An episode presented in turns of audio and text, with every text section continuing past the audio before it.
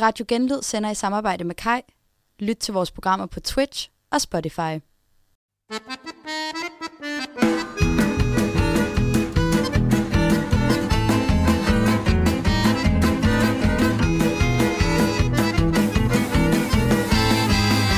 Velkommen til allerførste udgave af Stram Kæde podcast. Vueltaen er ved at være over os, og det, øh, det skal vi snakke om i dag. Og så skal vi have rangeret de allerbedste Grand Tour ryttere i cykelverdenen, som tingene er lige nu. Mit navn er Nikolaj Høsberg, og sammen med mig har jeg min øh, medcykelekspert Emil Jernø. Velkommen til, Emil. Jo tak, jo tak, og tak for det fine ord. Cykelekspert, det ved jeg ikke, om jeg er blevet kaldt før, men, øh, men det, det, det er jeg glad for. Det er du nødt til at tage på dig nu, kan jeg helst sige. Fordi det, er- det er sådan, det kommer til at foregå. Det er, at vi skal agere som cykeleksperter i den her podcast fremover. Det er en meget, meget fin titel, synes jeg. Ja, ikke? Jeg synes også, det er, det, det er meget, meget flot. Øh, inden vi tager hul på det her med, at vi skal, vi skal rangere de allerbedste Grand Tour rytter, så lad os snakke lidt om uh, Vueltaen, der starter her på lørdag. Vi øh, har måske det stærkeste felt til en, en Vuelta, måske endda til en Grand Tour i, i lang, lang tid. Og øh, ja, først og fremmest, hvad, hvad forventer du af den Grand Tour, der, der står foran os? Jeg tror, det bliver, det bliver en eksplosion af alt, hvad et, det største cykelhjerte begærer af angreb til højre. Ej, nu må vi se, hvad der sker. Øh, der er i hvert fald potentiale til, øh, til, at der kan ske rigtig meget spændende. Øh, jeg sad og så øh, holdpræsentationen i går aftes, og så sad jeg og pegede og sagde, ham der, han går på podiet. Nej, nej, ham der, han går på podiet. Og så lige pludselig var der jo 10 mand på podiet. Det kan jeg ikke rigtig lade sig gøre. Så det bliver mega spændende. Ja, vi, vi står jo med, med vinderne af de sidste, ja faktisk fire Grand Tours i streg, som alle sammen deltager i den her Vuelta. Nu ved jeg godt, at Jons Vingård, han, øh, han har vundet to af dem.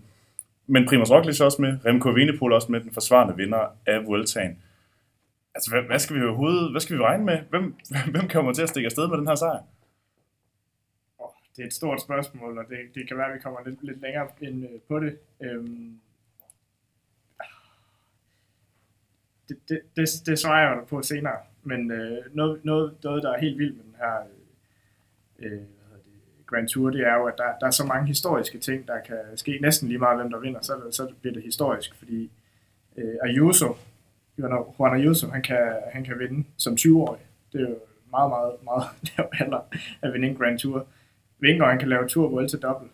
Det er der ikke ret mange, der har gjort før. Evenepoel, han kan lave Liège og Vuelta dobbelt to år i streg.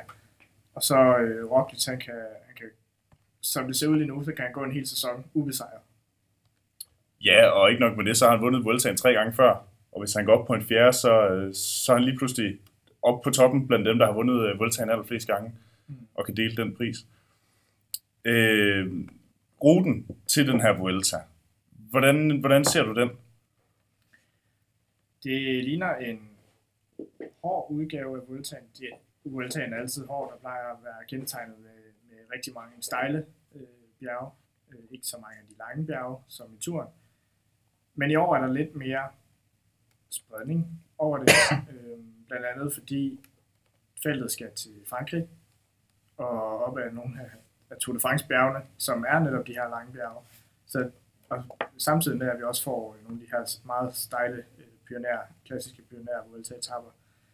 Øh, blandt andet etappen til Tour Malé er jo, øh, er jo, er jo blandt andet med, med Col d'Aubisque, Col, øh, Col de Spandel og Col de Tourmalet i samme etape, som er de her lange øh, 10-20 km lange stigninger. Øh, så der er noget for enhver smag, øh, men det bliver også en meget, meget hård øh, Vuelta, fordi der netop er øh, de her lange, lange, lange øh, bjerge.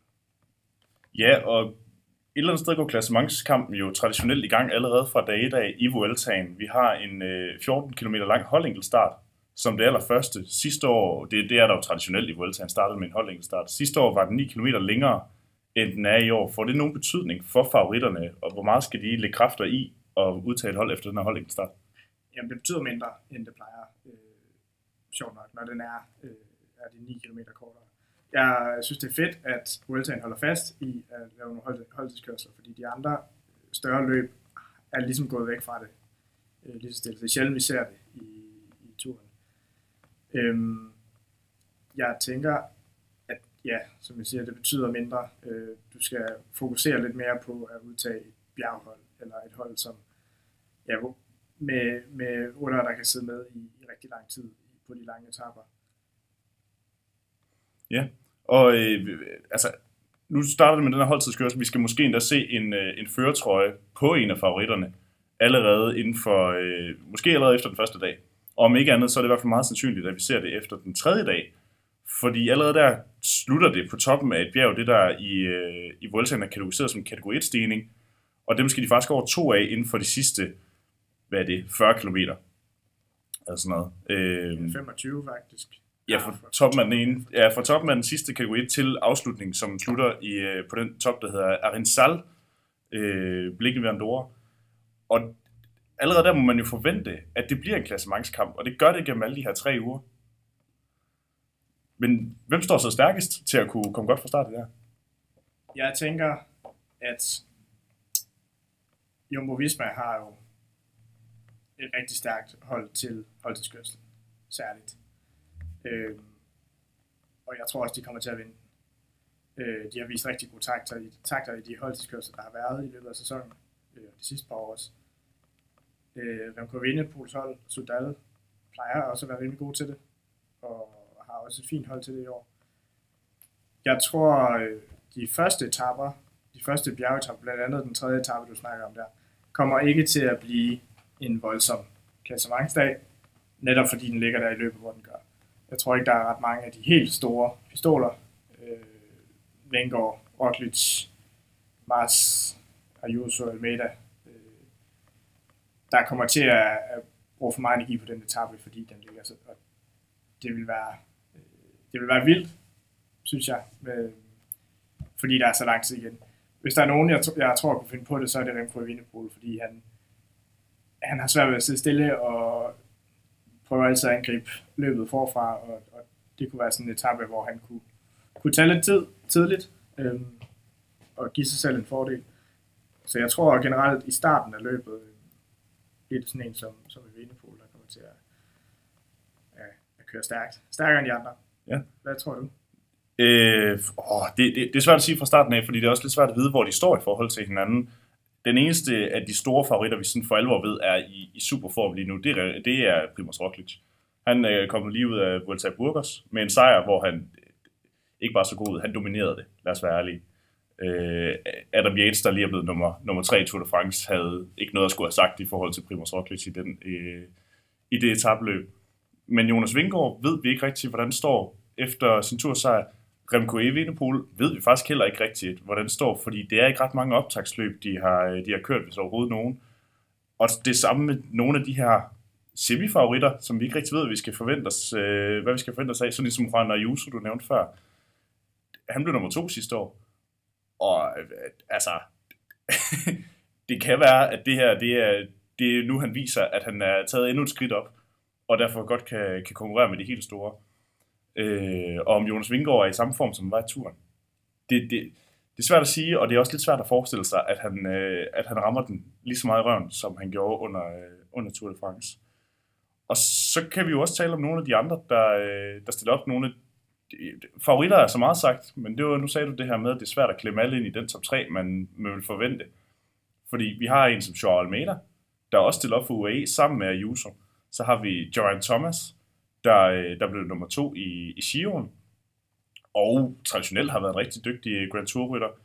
Øh, vi har en som Alexander Vlasov, der stiller op, og så øh, stiller Bahrain op med lidt sådan, ja, en- duo, der er lidt svært at vide, hvad man skal forvente sig af. Altså Mikel Lander og Damiano Caruso, der øh, generelt kører godt, især i, øh, i Giro og Vuelta. Øh, Lander især i, i Vueltaen. Og Caruso er jo, er jo også gentagende gange kørt på podiet i øh, især Giroen i løbet af de sidste par år. Øh, så det kan være, at de også lige pludselig rammer noget, man ikke havde forventet. Og hvis Vingegaard, Roglic, Remco ikke lige rammer den, eller, eller styrter, eller skulle komme ud for, for andet uheld, jamen, så kan du lige pludselig være dem, der, der står klar til at tage det hele. Det ved jeg ikke, hvad du, øh, hvad du tænker om. Om der er andre, jeg har glemt at nævne. Nu nævner du vildt mange navne. Øhm, Ja, det gør jeg. og, og som du selv siger, jeg tror næsten, jeg tror på nær Almeida har de alle sammen kørt podie i Grand Tours før. Øh, du kan også nævne Carapaz, han kommer også. Ja. Bardet kommer også. Henrik Mas kommer også. Henrik Mas kommer også. Han blev nummer, ja, han blevet nummer to tre gange i Vuelta. er han netop, det er helt vildt. Øh, man kunne næsten godt undre ham, det var efterhånden. Øh, men, men jeg tror virkelig, det bliver svært i år med det felt, som, som stiller op.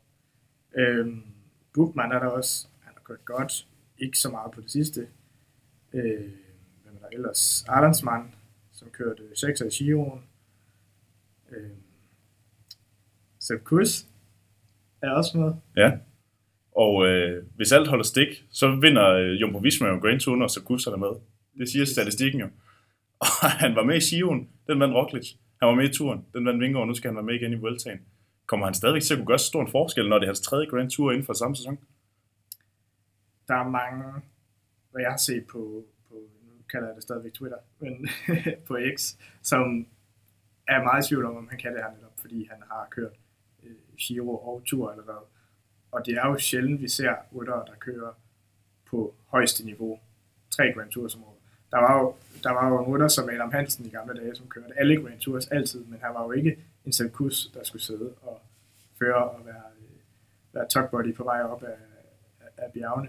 Øhm, men som vi kender Jumbo Visma, så er deres holdudtagelse altid så godt tilrettelagt og struktureret, og de er så sindssygt vanvittigt dygtige til at forberede sig. Så jeg stoler faktisk på, at deres holdudtagelse øh, er fornuftig, i og med, at Sekus han kommer til at køre næsten som han plejer. Nu må vi se, vi ved det jo ikke. Øh, men, men det bliver spændende at se, hvordan han reagerer på det. Ja, man kan sige, når man kigger ned over Jumbo Vismas hold, så er det svært at, at rigtig finde nogen svaghed i det. Øh, det er måske ikke helt så godt som deres turhold, men det er stadig bare et klasse, klassehold. Selv hvis det her var deres turhold, så ligner det noget, der godt kan, kan vinde Tour de France også. Øh, de stiller op med Vilko Keldermann, som, øh, som hjælper sammen med Sepp Kuss, som vi lige nævnte, og Dylan van Barle, altså de her tre, der også var med i, i Tour de France. Så har de øh, Robert Gesink med til, øh, til bjergetapperne, og Jens Ratnik, som nok skal hjælpe rigtig meget på den her holdinkelstart, men også i det hele taget på, øh, på flad vej. Og så den unge Attila Walter fra Ungarn, der øh, er, er, er på vej frem. Virker det som om, han bliver bedre og bedre nærmest for hver gang, man, øh, man ser ham i de store løb. Kommer han til at spille en, en stor rolle for det her Jumbo Visma hold? Jeg tror ikke, han bliver første hjælp. Han bliver ikke den nye Sepp Kuss, især ikke i den her øh, Grand Tour. Også fordi man netop har øh, Gesink også. Øh, og Tratnik kan også køre op af, og det kan Kelderman tit også. Øh, så der, der er kamp om, om pladserne. Men altså, han bliver nummer, hvad er det, nummer 4 i, i Tour of Norway, øh, 5 i Strade Bianche i år. Han er virkelig på vej frem. Øh, spændende, om han bliver en øh, klassementsrytter, øh, der kan køre med om podier i Grand Tours i fremtiden. Men i år kommer det til at blive hans chance for at, øh, at vise sig frem jo netop, fordi han, han er bundet af Jumbo Vismas Jumbo Visma maskinen, kan man næsten kalde det. Øh, og deres meget strukturerede måde at køre Grand Tours på. Ja, og ham, ham og Jan Tratnik er, er de eneste, der ikke har kørt andre Grand Tours i den her sæson, så man må næsten formode, at de også et eller andet sted er, er friske til at køre den, i forhold til nogle af dem, der har, der har kørt tur for Sepp Kuss vedkommende både Giro og Tour de France. Øh, kigger man på USA, UAE's hold ved siden af, så er det altså også øh, rimelig stærkt, må man sige. De stiller jo op med, med Juan Ayuso som deres kaptajn. Øh, første gang, han får lov til at få den rolle fra start af i en Grand Tour. Han har faktisk kun kørt i en Grand Tour før, og det var, øh, det var Vueltaen sidste år, som han blev nummer to i. Han blev nummer 3. Han blev nummer tre. Det er mig, der bliver ved med at sige, han blev nummer to. Øh, så er det Joao Almeida med. En mand, der også kan køre konsekvent i top 10 i Grand Tours.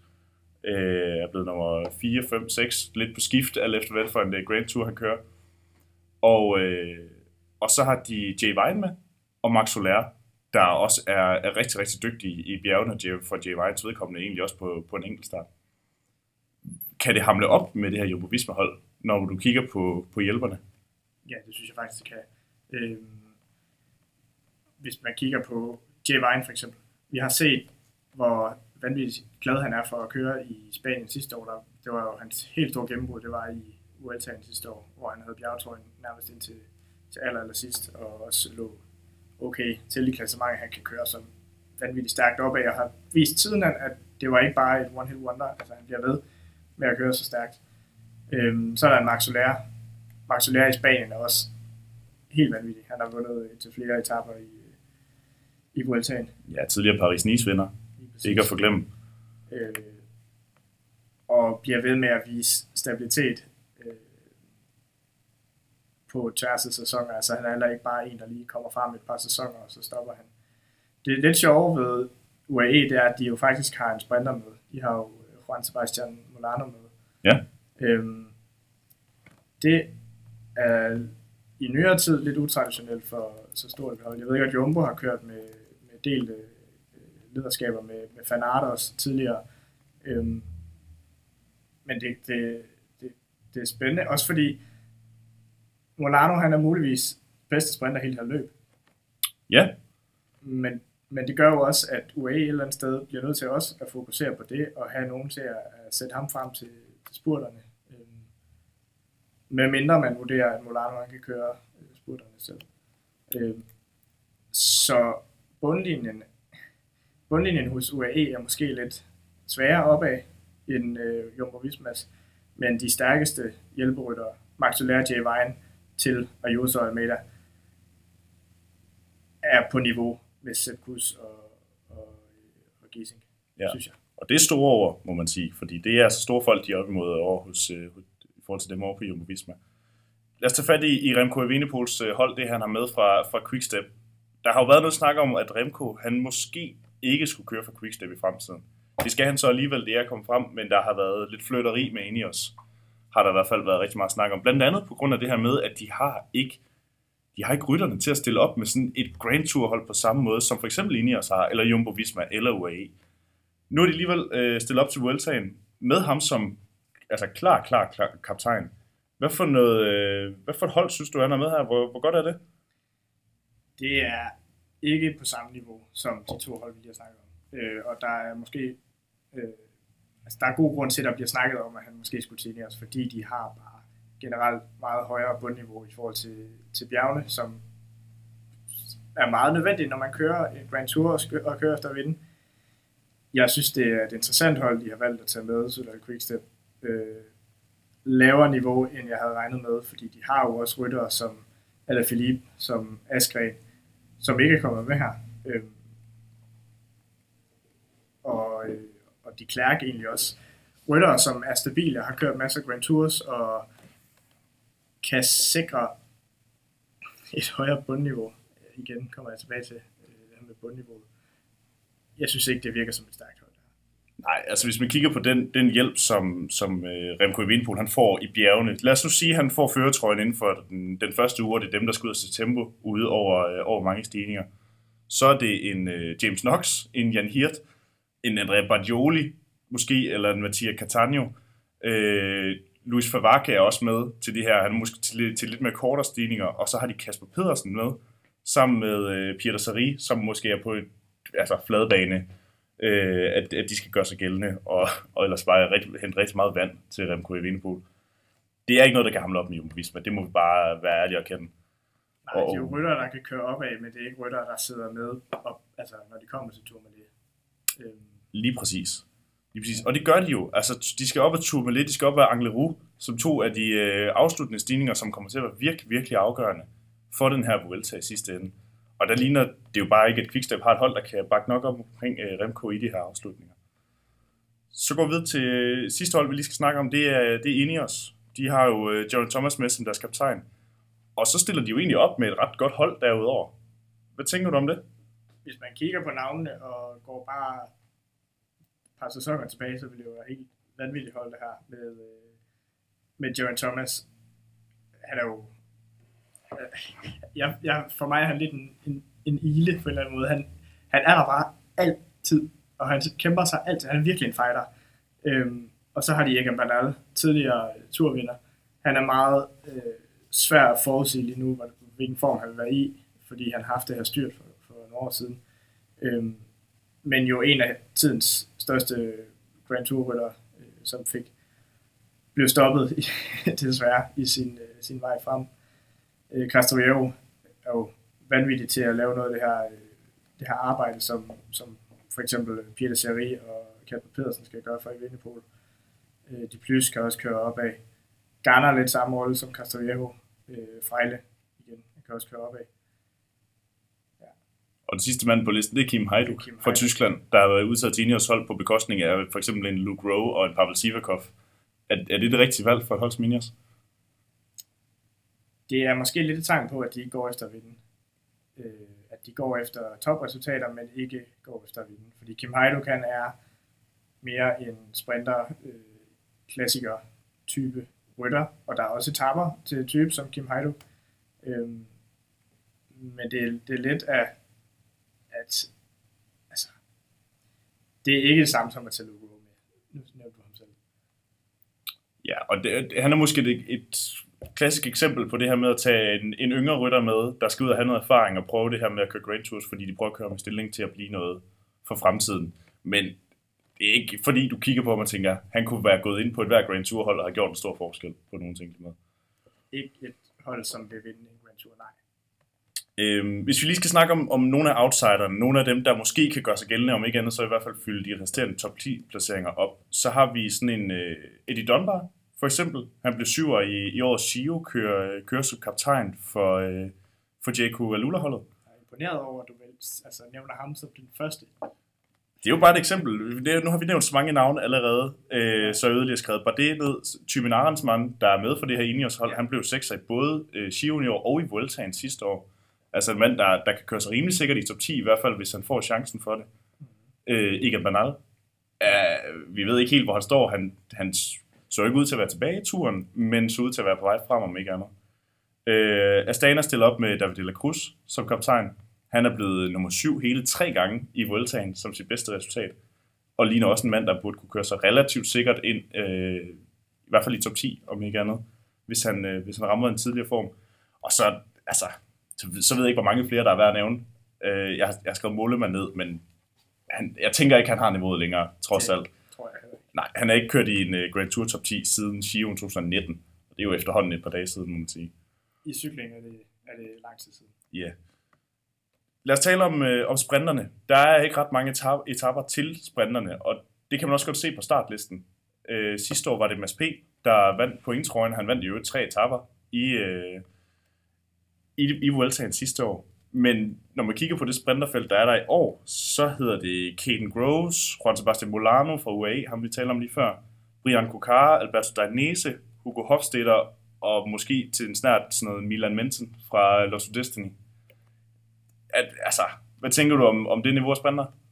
Det er, hvis du sammenligner det med, med Tour de France, så er det jo meget, meget øh, lavt niveau. At det er vand i forhold til Der er, Tour de der, er jo ikke nogen, der er jo ikke nogen af de store stjerner. Altså, Nej. de, the big guns, de er her jo ikke. Der er jo ikke nogen Mads Pedersen, der er ikke nogen Fabio Jacobsen, der er ikke nogen øh, øh, Jasper Philipsen, der er ikke nogen af de der store. Øh, Hvorfor er det, de ikke kommer? Det er jo en Grand Tour for pokker.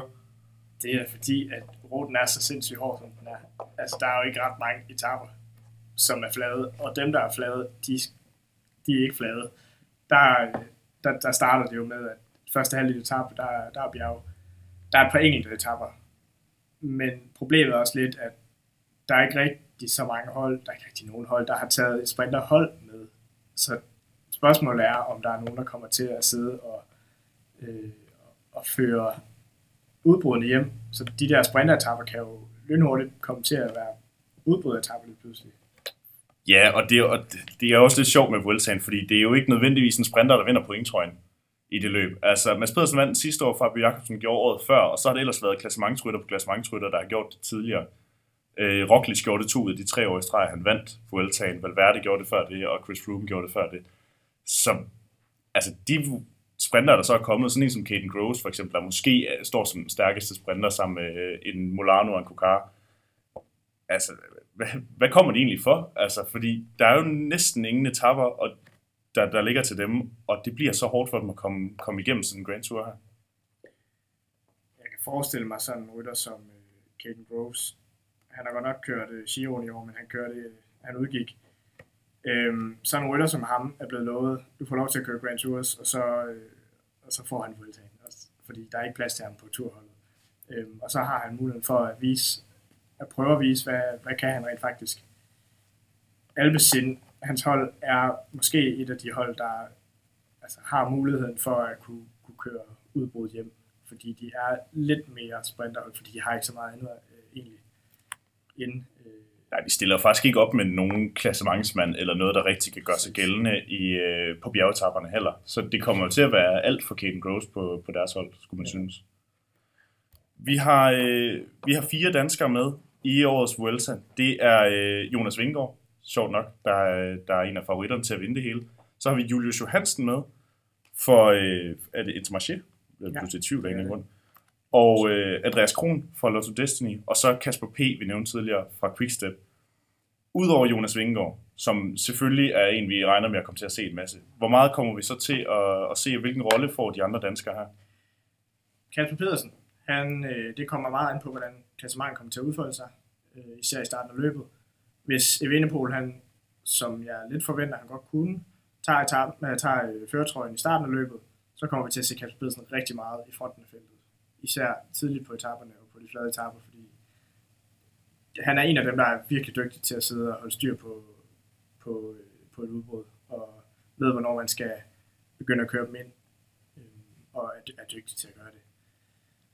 Så er der øh, Andreas Kron og, øh, og Jonas Johansen, de to andre, får meget frie roller, ser det ud til. Det er begge to hold, som ikke har en stor øh, klassementsrytter, som de virkelig skal binde sig til at køre, op, køre for. Og det kommer dem til gode, i og med at de så får en mere fri rolle og kan køre nogle udbrud. Og især Andreas Kron kom, kom, tror jeg, vi kommer til at se rigtig meget øh, køre udbrud, og også køre med i finaler på nogle udbrudsetapper. Ja, man kan sige, for, for, øh, for både Andreas Kron og, og Julius Johansens vedkommende, der er ikke nogen af deres hold, der har noget med, der, der gør sig gældende, der skal køre klassement, eller, eller, øh, eller for det sags skyld, en, nogen af dem, der har en stor sprinter, de skal sidde klar for. Og om ikke andet, så kan man sige, selvom Milan Mensen nok bliver sprinter for Lost Destiny, så er det nok ikke Andreas Kron, der skal sidde og føre hele dagen for ham, Nej. eller sidde og lave lead for. Så man må forvente, at de begge to får, får relativt frie roller. Ja, altså, altså øh, og, og, og Lotto Destiny har også har med den unge øh, Leonard van Edveld med, øh, som ligesom deres klassementsrytter. Han har i hvert fald muligheden for at prøve at køre klassement, men det er jo ikke holdet, der kommer til at sidde og skulle øh, kontrollere feltet, så på den måde har han, har han egentlig ikke brug for så meget de her hjælperytter. Han har brug for nogen, der lige kan hjælpe ham med at hente noget vand en gang imellem. Men det, han skal have lov til at køre sin egen chance på sin egen måde og prøve at se, hvordan det er at køre med de største stjerner. Øhm, så der får Kron så at sige fri meget af, af, Vueltaen, øh, så Fanette kan få lov til selv at ja, prøve at køre sin chance. Ja, og nu, altså med danske øjne, sidste år var det Mads P., der, øh, der lavede store danske resultater i Vueltaen. Forrige år var det Magnus Kort. Hvor meget skal vi forvente af danskerne i år? Hvor mange etappesejre kan vi, kan vi håbe på, at der, der kommer, kommer til Danmarks vej? Jonas Vingegaard er jo hos bookmakerne lige nu den største favorit til at vinde Vueltaen. Og når man vinder en Vuelta, så vinder man ofte også en etape eller to, eller måske tre. Øhm, Jeg kunne sagtens se Vingegaard vinde to, tre etapper i år. Og det er jo mange i, dansk forstand i Vueltaen. Øhm, Ikke efter de sidste to års standarder. Der er, det jo, der er det jo nærmest forventeligt efterhånden, at vi i hvert fald skal have tre danske etappesejre. Ja, det er spændende. Det skal vi også snakke om på et tidspunkt, det der med, hvad er det, de forventer af danskerne nu? Altså, hvor kan vi realistisk set sætte de her forventninger, og hvordan kan det være, at vi lige pludselig har så store forventninger? Andreas Krohn, øh, hvis han har ramt den form, som, som han har haft tidligere, øh, blandt andet også i øh, Vueltaen, hvor han er blevet nummer 5 i, på etapper og i turen sidste år, hvor han blev nummer 4 på etape, så øh, kan jeg godt se ham vinde en etape, hvis han, fordi jeg tror kun han er blevet bedre. Så hvis han rammer formen, så, øh, så kunne han godt vinde en etape. Ja, det skal vel også til at være, at han får et, øh, et gennembrud i forbindelse med Grand Tour-etapper. Altså, Andreas Kron har ikke vundet en, øh, ja, et, et professionelt løb i løbet af de sidste to sæsoner, altså hverken den her eller sidste sæson. Så det, det er vel ved at være på tide, hvis han også skal slå sig igennem som en, der... Han vil så gerne være en fast mand til Tour de France, for eksempel. Og hvis han skal være det, så er det vel nu, han skal ud og vise sig frem. Det, det er helt sikkert. Er han det bedste bud, vi har på en etappesejr ud over Jon Svinggaard? Det tror jeg, ja. Det er jeg sådan set meget enig i. Julius Hansen, det, det skulle være øh, nærmest et mirakel. Og Kasper P., det skulle næsten være, hvis Remco han, øh, ja, forlader løbet på et eller andet tidspunkt, hvis han udgår. ja og, Gud, for, Gud forbyde det. ja, og Kasper P., han så til gengæld kan få lov til at, at gøre sig gældende i spurterne, fordi med det sprinterfelt, vi har i år, ja, så kunne han jo reelt godt gøre sig gældende, sandsynligvis. Det har du point i. Øh, inden vi runder Vueltaen helt af, er der nogen, vi, vi skal holde særligt øje med? Er der nogen, øh, der er rigtig mange unge rytter, der stiller op. Er der nogen, du har, har fidus til? Det er det, jeg glæder mig faktisk. Nu, jeg glæder mig rigtig meget til at se klassemarkkamp, men noget af det, jeg glæder mig allermest til i det her løb, det er at se de unge ryttere, øh, der kommer til det her løb med muligheder for at vise sig frem. Det er øh, blandt andet, som jeg nævnte tidligere, Van Edveld øh, fra Dose Destiny.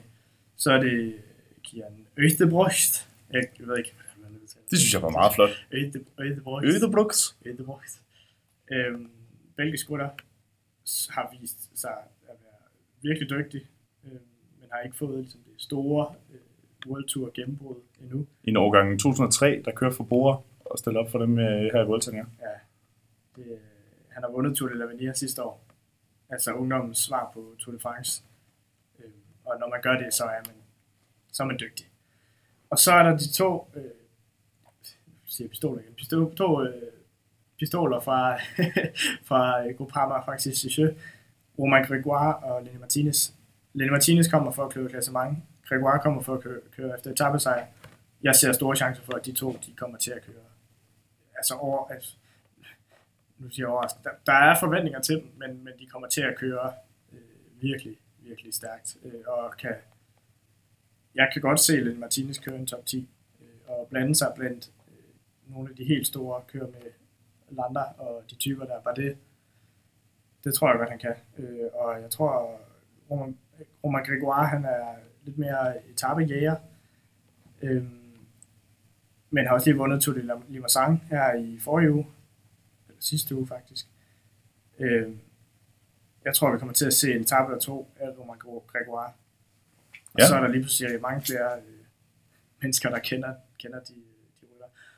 Så jeg er spændt på, om der er andre, der kan gøre sig gældende, andre øh, upcoming øh, unge rytter. Men lige de fire her øh, kommer nok til at være nogle af de, de største af dem. Ja, man kan sige, sådan en Lenny Martinez og Roman Grégoire, de er 20 år gamle begge to, og, øh, og det er på et meget stjernefattigt Groupama efter Francis de hold, de, øh, de stiller op. Og øh, det, det må også betyde, at de får lov til at køre deres egen chance, skulle man synes. Altså Gregoire i udbrudene, og Lenny Martinez han får lov til at køre chancen i, i klassementet. Ikke at vi skal forvente, at han kører på podiet på nogen måde, men kan han køre en top 10, så er det også et eller andet sted et gennembrud for ham, skulle man synes. Ja, det er jo vildt, at, at de, de er jo nærmest kaptajner. Ikke? Det er jo nærmest de to kaptajner, de stiller med. Faktisk, det tror jeg, de er. De, der er to kaptajner, de er 20 år gamle begge to. I, I det hele taget virkelig et ungt hold, de har taget med Groupama og Francis Ticheux. De har, de har seks ryttere, som kan køre med om ungdomstrøjen. Ud af otte, ikke? Øhm, så det bliver spændende hold at følge. Det må man sige. Øh, det, var, øh, det var Vueltaen. Det var vores øh, optag til den. Inden vi går videre til, øh, til denne uges liste, som du har lavet, Emil, jamen så, øh, så har jeg lige en quiz til dig. Ja, Nu skal vi have, have quizzen, og øh, du får spørgsmål nu, og så tager vi svaret, øh, når vi mangler de sidste tre på, øh, på listen. Og nu er det jo øh, i anledning af Vueltaen, at den skal laves. Så mit øh, quizspørgsmål i dag til dig, det er præcis hvor mange danske etappesejre har vi fået i Vueltaen siden 2010? spændende. Ja, så har du tænkt lidt over det. Og du, hvis du kan pinpoint øh, alle navnene for mig, så er jeg faktisk så rigeligt stolt. Det, det vil jeg også selv være. Godt. Lad os tage hul på din liste. Den handler om, hvem der er de allerbedste Grand Tour-ryttere lige nu og her. Og øh, det er dig, der har lavet listen. Så det, er, det er kun dig, der kender øh, svarene på det her, men derfor kan jeg jo godt øh, erklære mig vanvittigt uenig i, øh, i nogle af dem, du har på listen. Men jeg glæder mig rigtig meget til at høre, hvad du har, for jeg har ikke hørt den før. Så fra en 10. plads, take it away. Ja, de bedste nuværende Grand Tour øh, klassementsrytter, det er altså baseret på, øh, hvem er de bedste lige nu. Ikke hvem er de, har været de bedste af dem, der stadigvæk kører, men hvem ser jeg som de bedste Grand Tour klassementsrytter lige nu. Og er det sådan, hvis vi skulle forestille os, lad os sige, alle, der, øh, alle ryttere i verden, de skulle køre en Grand Tour, og de var alle sammen i deres allerbedste form. Hvordan ville top 10 så blive? Er det det, vi skal gå med? Det er det, vi er ude i. Det er det, vi er ude i. Ja. Spændende. Lad mig høre, hvem har du på din, øh, på den aller sidste plads i top 10? Ja, det sjove er, at øh, den sidste plads var nok faktisk den sværeste at vælge, fordi så skulle man lige pludselig vælge alle de andre, der kunne have været på den her liste fra. Men min 10. plads, det er Richard Carapaz. Richard Carapaz. Ja, hvad, hvad er grunden til, at det er ham, der, der kom ind på en 10. plads? Han har vundet øh, Chiron, Giron.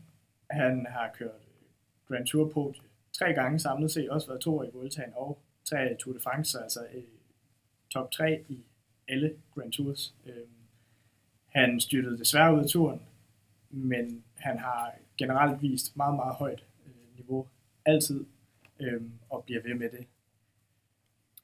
Altså man kan sige med Richard Carapaz, de seneste år har han jo ikke haft det niveau, som han måske havde for to, tre, fire år siden. Altså hans, hans Shio sejr efterhånden mange år, så det var i 2019.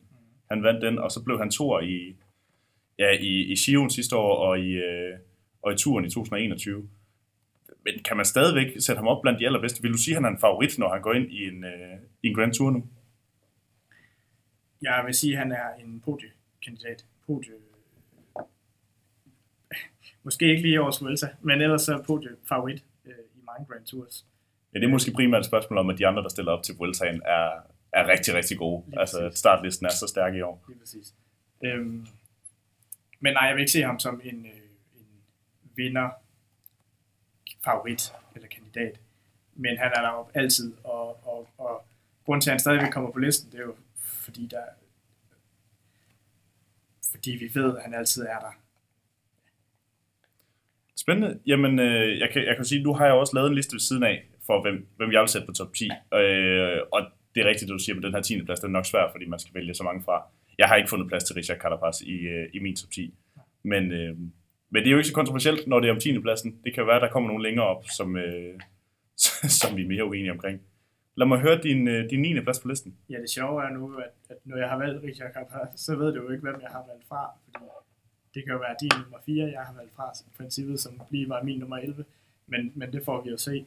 Øh, min nummer 9, det er en, som jeg ikke havde puttet på top 10, hvis det havde været for tre måneder siden, men han hedder Adam Yates, Ja. og er lige blevet nummer 3 i Tour de France. Har tidligere også blevet nummer 4 i Tour de France, og øh, nummer 4 i Vueltaen for nylig. Øhm, han kørte vanvittigt stærkt i turen, og det er det, der har givet ham øh, pladsen på min top 10 liste her. Ja. Og Adam Yates er jo lidt sjov, fordi han jo altså, han er jo blevet lidt en hjælper nu, har jo været det i et, i et stykke tid i princippet, for det blev han jo i og for sig også for Ineos i, øh, i sidste ende. Og nu kører han som hjælper for Pogacar, men han er alligevel, mener du, verdens 9. bedste Grand Tour-rytter, som det er lige nu. Ja, og det er fordi han, selvom han var hjælper, bliver nummer 3 i Tour de France. Ja. Hvis han havde kørt for sin egen chance, så han er jo nok ikke slået på Gacha Vingegaard. Men, men han er nok stadig blevet nummer 3. Altså han, han er jo stadig helt deroppe, hvor, øh, hvor, det, hvor det ringer, ikke? I den omgang. Ja, og vi skulle synes, at, at han er i sit livs form i, i den her sæson. Altså, han er aldrig blevet bedre end nummer 3. Det er hans første podie i en Grand Tour, det han lavede her i Tour de France. Øh, tidligere er han blevet nummer 4 i, i Vueltaen, og, og 4 i Tour de France for, for efterhånden mange år siden, da han, øh, da han vandt ungdomstrøjen der. Men, men er han så kun verdens 9. bedste, hvis han, altså, han er blevet nummer 3 i Tour de France? Det er jo så spørgsmålet. Det, mange af dem, der også kommer, det er nogen, som ikke har vist sig helt op på det niveau nu, men som jeg regner med kommer til at gøre det snart, fordi de har noget ungdom med sig. Så det er et spørgsmål om, at de, de nok har niveauet, de har bare ikke fået chancen for, for at vise det helt endnu. Ja. Spændende. Jamen, øh, lad os gå videre. Jeg vil gerne øh, høre din øh, nummer 8 på din liste. Ja, de tre næste, jeg har, dem havde jeg mega svært ved at placere. Jeg havde faktisk en anden rækkefølge før, men nu har jeg, øh, har jeg ændret det til det her. Jeg er stadigvæk i tvivl. Hvis du spørger mig i morgen, så har jeg dem sikkert byttet om, om igen. Men nummer 8, det er Juan Ayuso, som blev nummer 3 i Vuelta a sidste år. Øhm, grunden til, at jeg ikke putter ham, ja, grunden til, at han er på listen, det er fordi, han blev nummer 3 i Vueltaen sidste år, og kun er 20 år gammel. Øhm, og er blandt favoritterne til at vinde øh, Vueltaen i år, mener mange. Grunden til, at han ikke er højere, det er, fordi han ikke har haft så mange muligheder for at vise, at han rent faktisk kan øh, sidde med hele vejen igennem øh, endnu. Men, men det kan være efter den her øh, Grand Tour, der kommer nu her, at han er højere på listen. Det kan også være, at han er lavere. Det er det, der er, er så spændende med at vi ved ikke lige, hvor han står. Han, han har kun kørt én Grand Tour. Altså, det, det er vildt nok at sætte ham overhovedet her med på listen, når han kun har kørt, det, kørt en enkelt Grand Tour. Nogle af de resultater, han har lavet i år, at han er blevet, øh, han er blevet nummer to i, i Schweiz rundt efter, øh, efter Mathias Gjelmose, og så har han ellers kørt en, øh, ja, det er, det er faktisk det, der er sådan, er hans, hans store, store resultat indtil videre. Så har han kørt nogle, øh, nogle indlægsløb og blev nummer to i de spanske mesterskaber også og sådan noget. Hvad, hvad er det der, øh, ved ham, der gør, at han er så god en Grand Tour-rytter? Fordi, eller vi formoder, at han er så god en Grand Tour-rytter, fordi vi ved det jo reelt ikke, før vi er, har set ham i den her Vuelta. Ja, øh, det er et godt spørgsmål, fordi jeg netop ikke har så meget bygget på endnu. Øh, jeg har bare en fornemmelse af, at han kommer til at køre rigtig stærkt, og det er, er der rigtig meget, der tyder på. Det, der faktisk skød ham ned i forhold til de to næste, øh, det var netop, selvom det ikke selvom det er Grand Tour, vi snakker om nu, så var det, så var det den her anden plads i Schweiz rundt efter Mathias Gjelmose.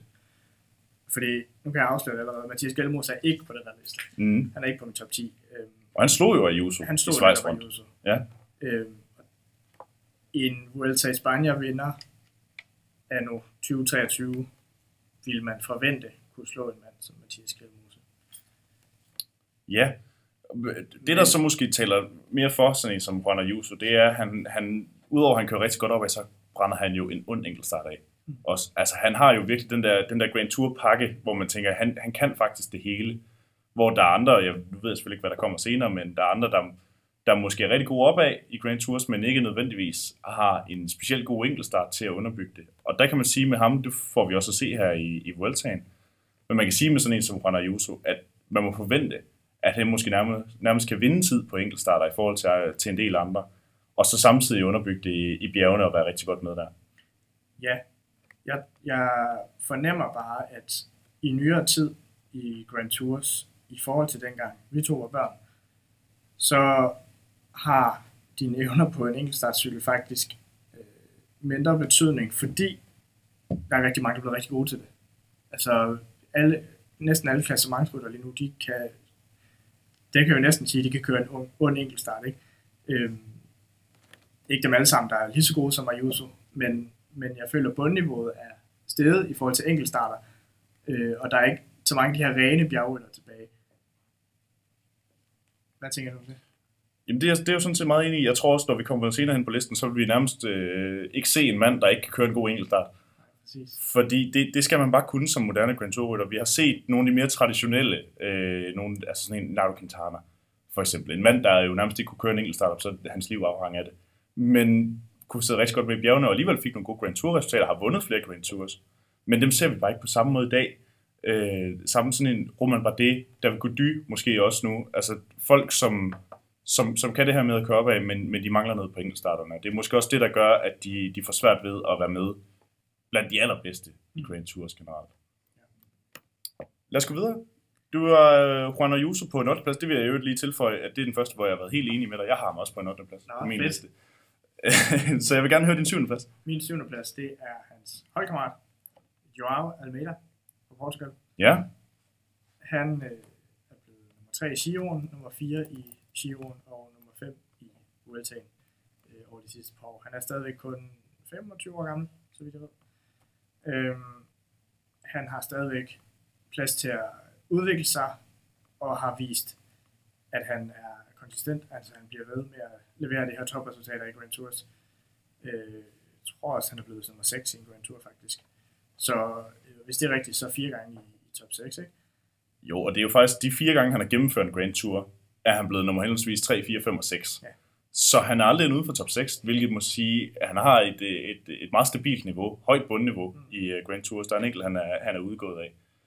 Øh, og det vidner vel også om, at, at han har niveauet til at være med blandt de allerbedste, skulle man synes. jeg, jeg, han virker som en rytter, der, der virkelig altid er der. Han, han er nærmest altid i form. Han er altid til stede, øhm, og han er lidt, lidt af øh, det, jeg snakkede om, John Thomas, en ile-type rytter, en, der bare altid kommer tilbage på vej op ad et bjerg. Så bliver han sat, og så kommer han tilbage. Meget, meget ala Sean Thomas måde at køre på. Øhm, og det sikrer ham ligesom de her 3., 4., 5., 6. pladser. Men det giver ham jo ikke sejren det har det i hvert fald ikke gjort endnu. Og øh,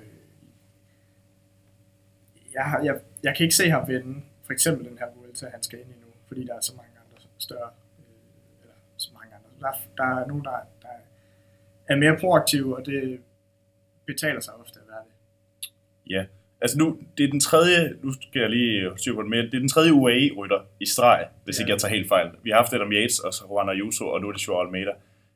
Nu går vi ind i en Vuelta, Adam Yates stiller godt nok ikke op, men, men Ayuso stiller op, Almeida stiller op. Og du har Almeida over Ayuso, men hvorfor fanden er det så Ayuso, vi snakker om, som den store favorit til at kunne gøre noget ved de, øh, ja, ved de allerstørste? Ja, det er et virkelig godt spørgsmål, især når jeg sætter, når jeg, ja, som du siger, jeg sætter Almeida over. Men det er min usikkerhed på, om han kan øh, leve op til de forventninger, der er til ham. Øh, han slutter over Almeida i sidste års Vuelta. Super fedt. Øh, men det er en helt anden Vuelta, de skal køre i år. Og Almeida ved vi kommer til at slutte i, i top 6, hvis ikke han bliver nummer 7 nu.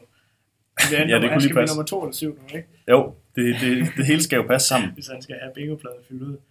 Øhm, Ayuso har ikke, han har vist det i Vueltaen sidste år, øhm, men så heller ikke så meget mere end det nu. Og han er kun 20 år, og kan han klare det pres, som der er kommet på ham. Der er større pres på ham, helt sikkert nu, end der var sidste år. Han bliver altså målt og vejet op imod Jonas Vingegaard, Primoz Roglic i Venepol, ikke? Det gjorde han ikke på samme måde sidste, måde sidste år. Der havde han muligheden for at overraske. Øh, Joel Almeida, han behøver ikke overraske på samme måde, for han har vist det gang på gang. Øh, og derfor sætter jeg Almeida øh, som en sikkerheds... Ja, altså jeg er mere sikker på Almeida, det er derfor, jeg sætter ham øh, på en syvende Ja. Ja, og det er igen et spørgsmål om det her. Vi har set ham ofte præstere rigtig godt i Grand Tour, så ved derfor, at han, han skal nok være der. Han skal nok være op i, i top 10 om ikke andet, hvor Juso han, han er lidt mere et ubeskrevet blad i alt det her. Kan, kan UAE spille lidt til sin fordel nu, hvor vi går ind i Vueltaen? For de stiller jo op med, med begge de to, som man må formode er nogenlunde jævnbyrdige. Det øh, er jo, ofte er det en fordel, at man har to kaptajner til ligesom at kunne sende den ene sted, og så folk, der kun, hold, der kun har én øh, kaptajn, skal sidde og, øh, og føre ham tilbage, og så kan man køre kontra. Lidt ligesom vi så på Col de Granon øh, sidste år i Tour de France med øh, Jonas Vingegaard og Primoz Roglic mod Pogacar. Øhm, men deres udfordring her er, at deres største konkurrent, øh, må man formode, Primoz Roglic og Vingård, de er os to. Altså, så de har ligesom det samme.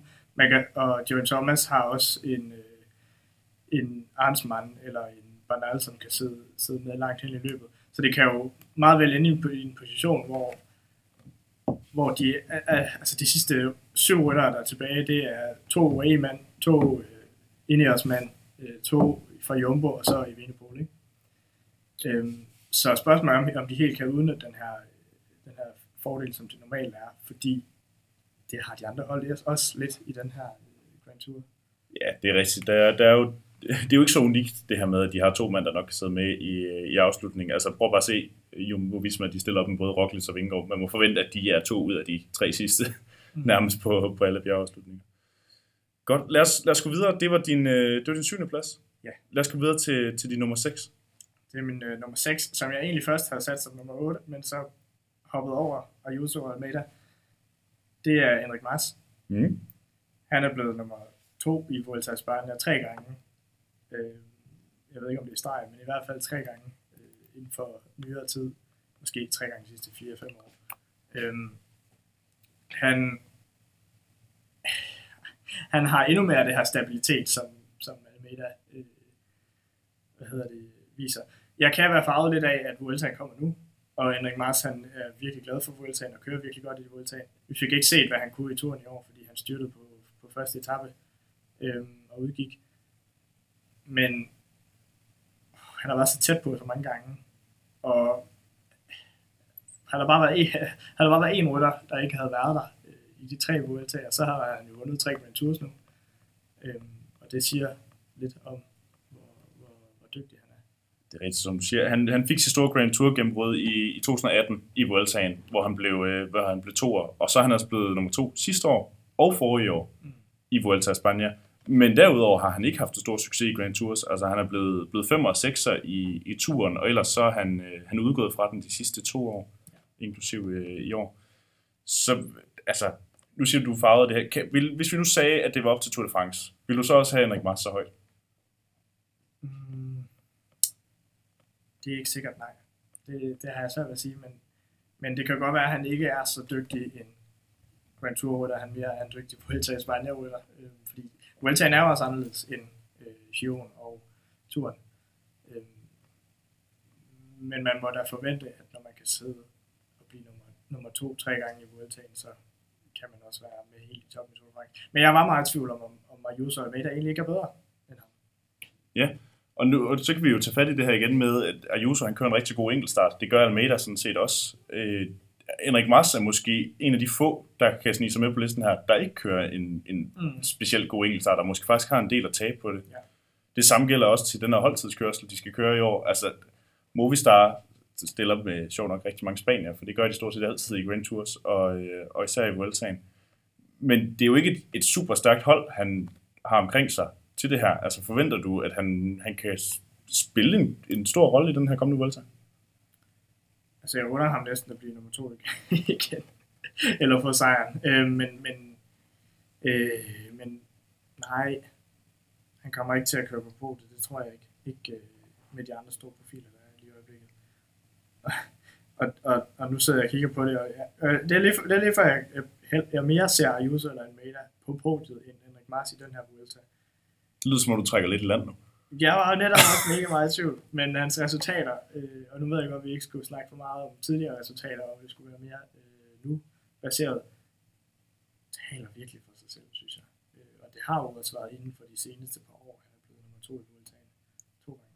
Ja, det er ikke fordi, man rigtig kan, kan sige, at han er en dårlig Grand Tour-rytter. Altså, han har bevist sig gang på gang. Og han slog også Ayuso sidste år. Ja. Øh, sæsonen i år har måske ikke været det, han har drømt om. Altså det her med, at han udgik fra første etape af turen, og er faktisk ikke kørt bedre end, øh, end, end lige præcis top 5 i de ugelange etabløb, han har kørt. Han har ikke, øh, han har ikke kørt den eneste sejr hjem i, i den her sæson. Mm. Men, men altså, nu, nu er der nok igen. Henrik Mars, han slog Ayuso sidste år og Almeida i Vuelta. Og der var han jo bedre. Så hvorfor skulle han ikke være det igen nu? Så det, jeg synes, de tre har været virkelig svære at, at placere. Mm. Øh, de, de, de fem næste, de fem sidste på listen, de er lige et niveau højere. Ja. Jamen ved, lad os komme videre til dem så. Det var, de, øh, det var den første halvdel. Lad os tage hul på anden halvdel og, øh, og den allerbedste halvdel af listen over de bedste Grand Tour lige nu. Nummer 5. Det kan være lidt kontroversielt. Jeg sætter Remco Evenepoel her på en femte plads. Ja, det er jeg faktisk overrasket over. Ja. Jeg har det med, at du, du vil sætte ham endnu højere. Ja. Ja, lad mig høre.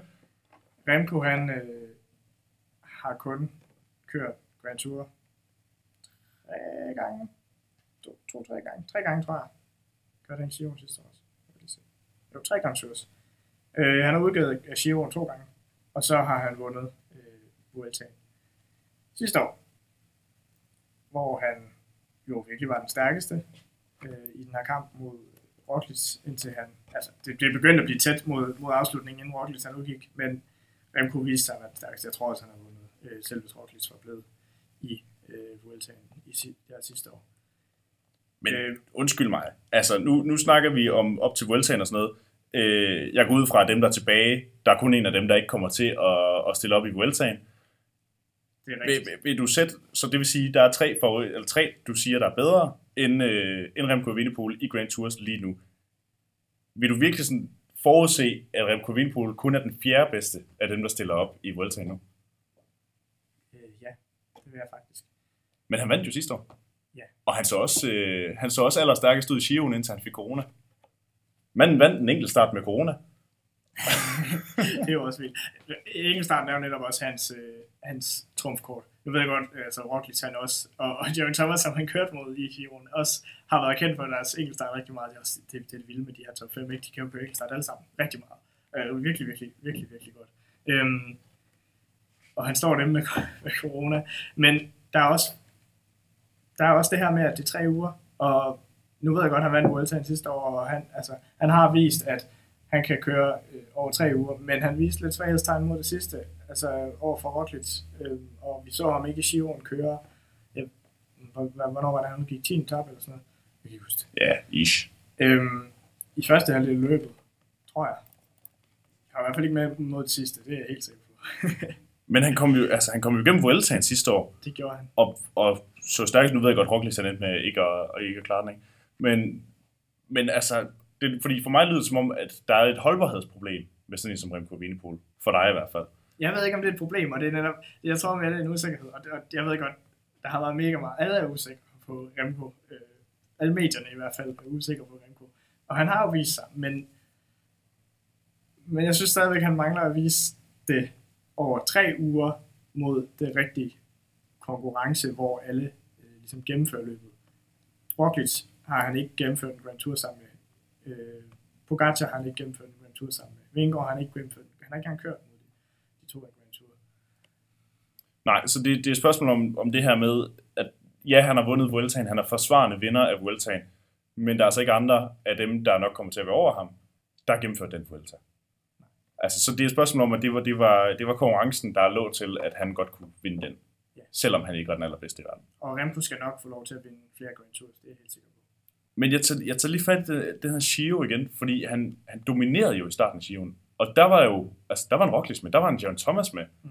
Og så endte han godt nok med at udgå. Men noget han ikke har vist nok til, at du alligevel tænkte, at han var favoritten til at have vundet den Giro, hvis han har gennemført.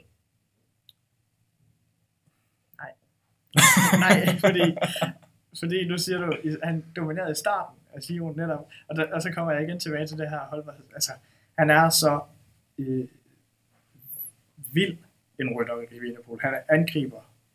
Han er lidt den her klassiske, det, det en af dem her, vi kommer til at tænke tilbage på, og tænke de her store ridt, hvor han kører vanvittigt langt udefra. Jeg er bange for, at han vil for hurtigt ud af de her starter, og kommer til at brænde sig selv ud på det.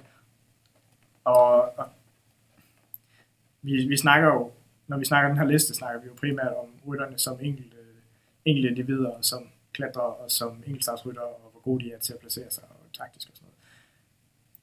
Men han mangler også et hold, der kan understøtte ham. Og... Men det er måske også det, der gør, at han er helt, helt vanvittig, fordi han mangler holdet, ikke? Altså, han, han kan gøre det selv, men ja, han gør det ikke selv. Han har jo en Van Wilder, for eksempel, som har, har hjulpet ham rigtig meget Mm. i Vueltaen sidste år. Øhm, det kan være, at efter den her Vuelta, så ligger han top 3. Altså, han, jeg kan i hvert fald se, at han kan overleve de næste to øh, med en sejr. Men der er måske også noget i det her med, at han... Det kan godt være, det ikke er et holdbarhedsproblem, nødvendigvis, men der er noget i det her med at time formen rigtigt op til en Grand Tour, Ja. hvor han måske ikke har været lige så dygtig til det i de Grand Tours, han er stillet op i, som nogle af de andre, der kommer over. Ja, og han er heller ikke så gammel nu, så han har måske heller ikke så meget, han får en masse hjælp til det, men han har ikke så meget erfaring øh, i forhold til de, de næste, på, især den næste på listen. Øh, altså, han er stadigvæk ung, øh, og det kan være, altså, han kommer jo til at blive bedre og bedre, forhåbentlig. Øh, Ja, og det er begrænset, hvor meget bedre han kan blive. Han er, sagt, han er jo fandme nærmest verdens bedste rytter, når du kigger, øh, kigger på nogle af de løb, han vinder. Det er rigtigt. Han er lige blevet verdensmester i enkeltstart. Sidste år blev han verdensmester i linjeløbet.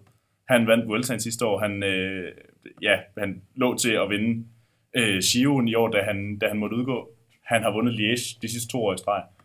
Altså, det er, det er jo et fænomen, vi har at gøre med her. Men man kan selvfølgelig godt argumentere for, at han, han mangler det sidste i forhold til at være helt op blandt de bedste til at være en favorit til en Grand Tour. der er jo netop det her med erfaring og øh, composure, og altså øh, at få, få styr på den her fandenivoldskhed, og sådan noget, det kommer bare med, med experience. Altså, når man gør det flere og flere gange, så bliver man bedre og bedre til at placere sig. Og bedre, altså, øh,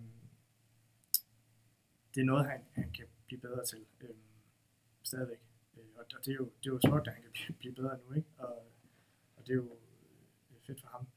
Øh, men, men jeg synes heller ikke, selvom han har lige vundet øh, VM i, i enkeltstart, så til, til linjeløbet, der, der var han jo ikke med helt fremme, som mange havde forventet, han ville være. Øh, og til øh, hvad hedder det, San Sebastian, øh, hvad hedder det, øh, ja, øh, San Sebastian, der, øh, der vandt han godt nok, men han var ikke lige så overbevisende, som han har været de to gange, han har vundet. Øh, med at spurte mod Nej, men han var stadig rigtig god. Han var stadig rigtig god, men- Bilbao var tæt på at slå. Ja.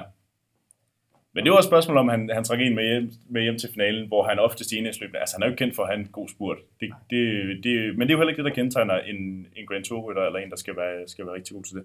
Han er en mand, der angriber udefra og, og kører løbende forfra, som man siger Mm. i, øh, i cykelforstand. Så øh, det er måske også et spørgsmål om det her med at, at justere kræfterne og sørge for at gemme den til de vigtige øjeblikke, hvor han godt i hvert fald nogle gange kan, kan synes som en, der brænder sig selv lidt for meget ud i forhold til, det kan godt være, at han er stærkere end nogle af dem, der nok kommer til at være over ham, men han bruger kræfterne på en anden måde, og så ender han med alligevel at, øh, at brænde sig selv ud i løbet af sådan en Grand Tour der. Præcis, det handler ikke altid om bare raw power. øh, og selv, selv hvis han er øh, stærkere end øh, den næste på listen, så har øh, så, så bruger han energien på en anden måde. Også bare når man sidder i feltet, kan man bruge energien på en helt anden måde i forhold til andre ryttere, øh, afhængig af hvor, hvor erfaren man er øh, i forhold til at sidde i et felt. Lad os komme videre. Vi mangler fire mand på, din, øh, på, den, på den fine top 10. Og øh, nu sagde du det her med, med Remco. Altså, vi er et stykke over alle dem, der var nævnt før Remco. Ja. Trods alt. Vi er i en anden liga nu, og det var vi også med, med Remco. Hvem er den næste, der, øh, der kommer derind? Den næste, det er øh, Big G, John Thomas. Ja. Er det en overraskelse? Altså, altså, nej, det er jo ikke overraskende i rækkefølgen. Altså, jeg, jeg synes bestemt ikke, han er et bedre Grand Tour-rytter end Remco Nej. nu her. Nej. Øhm, og det kan jeg godt forstå, du synes. Øhm, jeg holder dog stadig fast, synes jeg. Øh, han bliver to år i Giro d'Italia øh, i år. Kæmper med Primoz Roglic, som mister etappen på aller, aller sidste øh, dag. Øhm, Jeg havde førtrøjen inden, inden enkeltstarten, der skulle afgøre det hele. ja, lige præcis. Og når trods for, at han også er en mand, der kan køre enkeltstart, nu hvor vi snakker om det. Lige præcis. Så når man kan køre op mod en rytter som Primoz Roglic, som er ubesejret i sin sæson, øh, og som har vundet Vueltaen øh, tre gange i en Grand Tour til sidste dag, selvom man er 37 år gammel, så er man stadigvæk på vanvittigt højt niveau. Øh, og turen øh, tredjeplads sidste år også. Øh, og tidligere Tour de France vinder.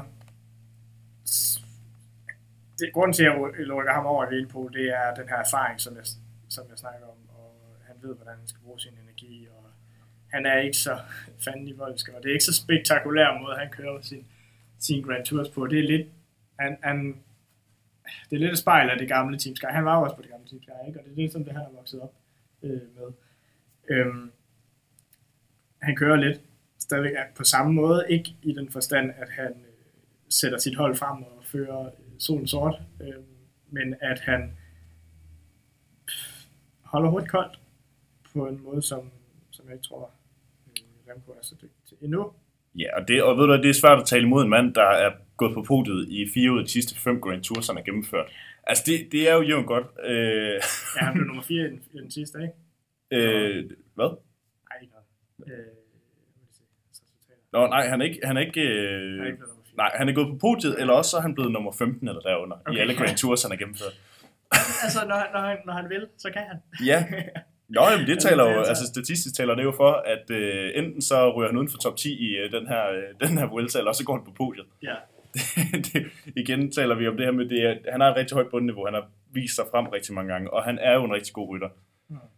Jeg synes, altså man kunne se det allerede sidste år, da Jonas Vingegaard han vandt sit første Tour de France, at, at der, er, der, er, der er endnu et, et skridt i niveau. Der er niveauforskel øh, flere gange i løbet af den her top 10, og der er altså også et niveau fra Jaron Thomas, og så op til de allerbedste. Mm. Og for mit vedkommende vil jeg i hvert fald nok sætte Remco op tættere på de allerbedste, Ja. end jeg vil sætte Jaron Thomas op. Fordi jeg tror, at større sandsynlighed- for, at en som, som Remco kan gå hen og vinde Grand Tour nu og her, hvis det er for eksempel nu her i Vueltaen, end der er for, at John Thomas kan gøre det. Mm. Og det er ikke fordi John Thomas er en dårlig rytter. Han kan sagtens køre en tredjeplads eller en fjerdeplads hjem, men sandsynligheden for, at han vinder, den tror jeg ikke er ret stor. Det er lidt ligesom Erik Mars, ikke? Altså, øh, og jeg, jeg ser dem lidt meget som samme type rytter. Erik Mars er lidt mere øh, øh, angrebsivrig end øh, John Thomas, men, men de, de, de er ikke dem, der går ud og laver de spektakulære ting. Øh, Nej. De sidder bare med, og så får de sindssyge resultater på baggrund af det. Ja, vi har jo set, og det samme med Henrik Mars, har vi set, at de, de, de er sådan lidt nogle rytter, der på et tidspunkt ser, at føretrøjen er til kørt væk. Løb, løbet er afgjort for, hvem der vinder. Måske også, hvem der bliver nummer to, men så kan de kæmpe om den resterende plads på podiet. så tænker de, hov, nå, jeg må hellere køre nu. Præcis. Og, og så kommer de tilbage til dem, og så bliver det så sat igen, og så kommer de tilbage til dem. Altså, Ja, og det er jo det her, du sagde med Almeida også. Altså, de, de, er, de er sådan nogle dieselmotorer, nogen, der ikke nødvendigvis angriber løbet, men, men sidder med og har et rigtig højt niveau op på stigningerne.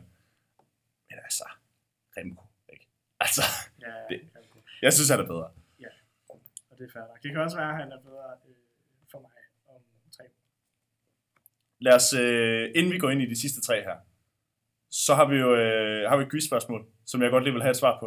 Oh, shit. Og nu ved jeg ikke, om du overhovedet har nået at overveje det overhovedet. Fordi jeg vil gerne have svar på, hvilke, hvor mange danske etappesejre vi, øh, vi har fået i Vueltaen siden 2010. Og det er, det er ikke, hvor mange forskellige danske rytter, der har gjort det. Det er præcis, hvor mange danske etappesejre her. Og gør det, som du vil. Jeg ved ikke, om du har skrevet noget ned, eller om du bare skal stå og, og ramse lidt op af, hvad du kan. Øh, jeg synes ofte, der er det med det, jeg er så dårlig til at huske sådan nogle ting. Altså, jeg, jeg, jeg er meget i, sådan, i den her sæson. Og så, øh, så snart sæsonen er slut, så har jeg glemt, hvad der sker. Jeg har det jo sådan, jeg synes, det er nemmere at huske øh, noget, der er sket for, for 8-10 år siden, end det er at huske sidste sæson. Okay. Jamen, så er det jo meget godt, at vi skal lave podcast sammen. Ja, det er perfekt. hinanden. Øhm, Magnus Kort har vundet nogle etapper, og Mads Pedersen har vundet nogle etapper sidste år. Magnus Kort, han har vundet fire etapper, har jeg lyst til at sige, i Vueltaen. Og Mads P. hvad vandt han sidste år? Tre eller sådan noget. Øh, så er spørgsmålet, er der andre, der har vundet? Det er der. Jeg kan bare ikke huske hvem. Øh, det er syv i alt, så jeg tror, der har været 8 siden 2010. Det kan være meget over. Det er et godt bud. Jeg kan, nu kan jeg lige hjælpe dig lidt på vej. Øh, nu nævnte jeg det her med, at vi fik tre sidste år og tre forrige år i Vueltaen. Det, det er jo blevet en tradition efterhånden, at det skal vi have. Øh, og så derudover, så er der to rytter, du mangler at nævne. Fordi ja, Magnus Kort har vundet en del. Mads P. har vundet nogle stykker. Og så er der to andre rytter, der også har vundet et, af danskere, der har vundet en etappesejr i Vueltaen siden 2010. Hvis det ikke hjælper på vej. Er det, så, har jeg så svaret rigtigt? Er 8? Nej. Nej. Nej. Nej. du kan komme med, hvis du bare lige hiver rytterne frem, så kan det være, at du har øh, marginalt mere kvalificeret bud. Puha.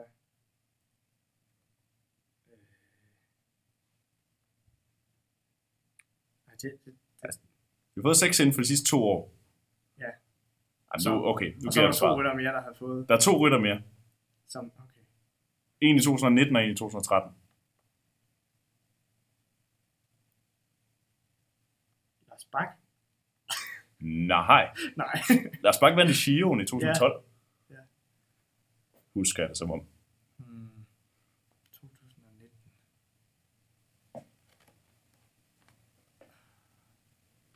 Så vidt jeg ved, har Fuglsang ikke vundet nogen øh, Grand Tour etapper. Søren, Søren Krav? No. Du får svaret. Ja, tak.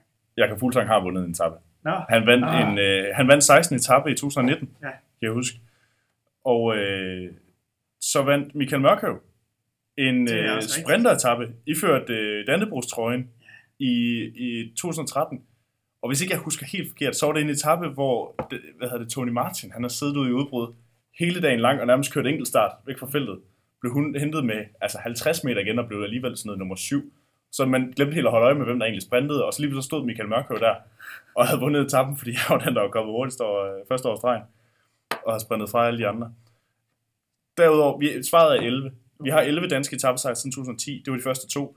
Mads Pedersen vandt tre sidste år, så er vi på 5. Øh, Magnus Kort vandt tre året før, så er vi på, øh, på 8. Så vandt Magnus Kort også en i 2020, Mm. vandt han 16 etape, og så, øh, og så vandt han jo to, da han, dengang vi troede, han skulle blive den nye supersprinter. Ja. I 2016, hvor han fik sit øh, Grand Tour etappesejrs gennembrud, og vandt både 18. og 21. etape, vandt altså aller sidste etape der. Og I, det øh, var hvorfor han har mange etappesejre, var. det har han. Måns Kort, han har, øh, hvad har han? Seks. Seks etappesejre kun i Vueltaen. Det er, altså, det er altså ganske pænt. Det er næsten en skam, at han ikke skal stille op i år, fordi han, øh, han er god til det samme med sådan, sådan Mads Pedersen. Det synes jeg også er en skam, at han ikke skal stille op. Mads Pedersen er jo top, top, topform endnu. Ja. Helt vildt. VM, hvad gør han jo? Altså, han, jeg, jeg tror, han kunne have vundet- VM. Han kunne i hvert fald sagtens, ja, du siger sagtens, han kunne have fået en medalje til VM. Øhm, Ja, det kan der ikke rigtig være meget diskussion om. Det, det, den, den må være stensikker, at det kunne han godt have fået, hvis han Ja. havde kørt det helt perfekt taktisk. Han brugte så meget energi i første halvdel af løbet.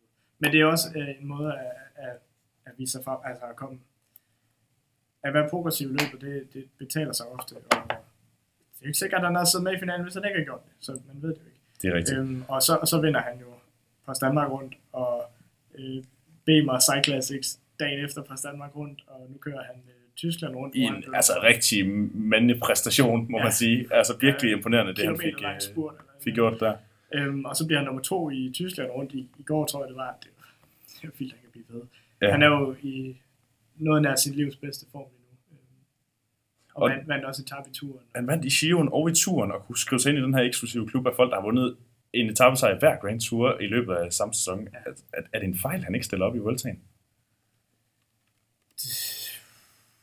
Det, mm, nej, det synes jeg heller ikke. Altså, så hvis han er større med Vueltaen, jeg ved ikke, hvor lang tid han kan blive ved med at holde den her form, som han har haft hele sæsonen. Øh, altså, han var også med i toppen i klassikerne øh, i foråret, og så Giroen, og så turen.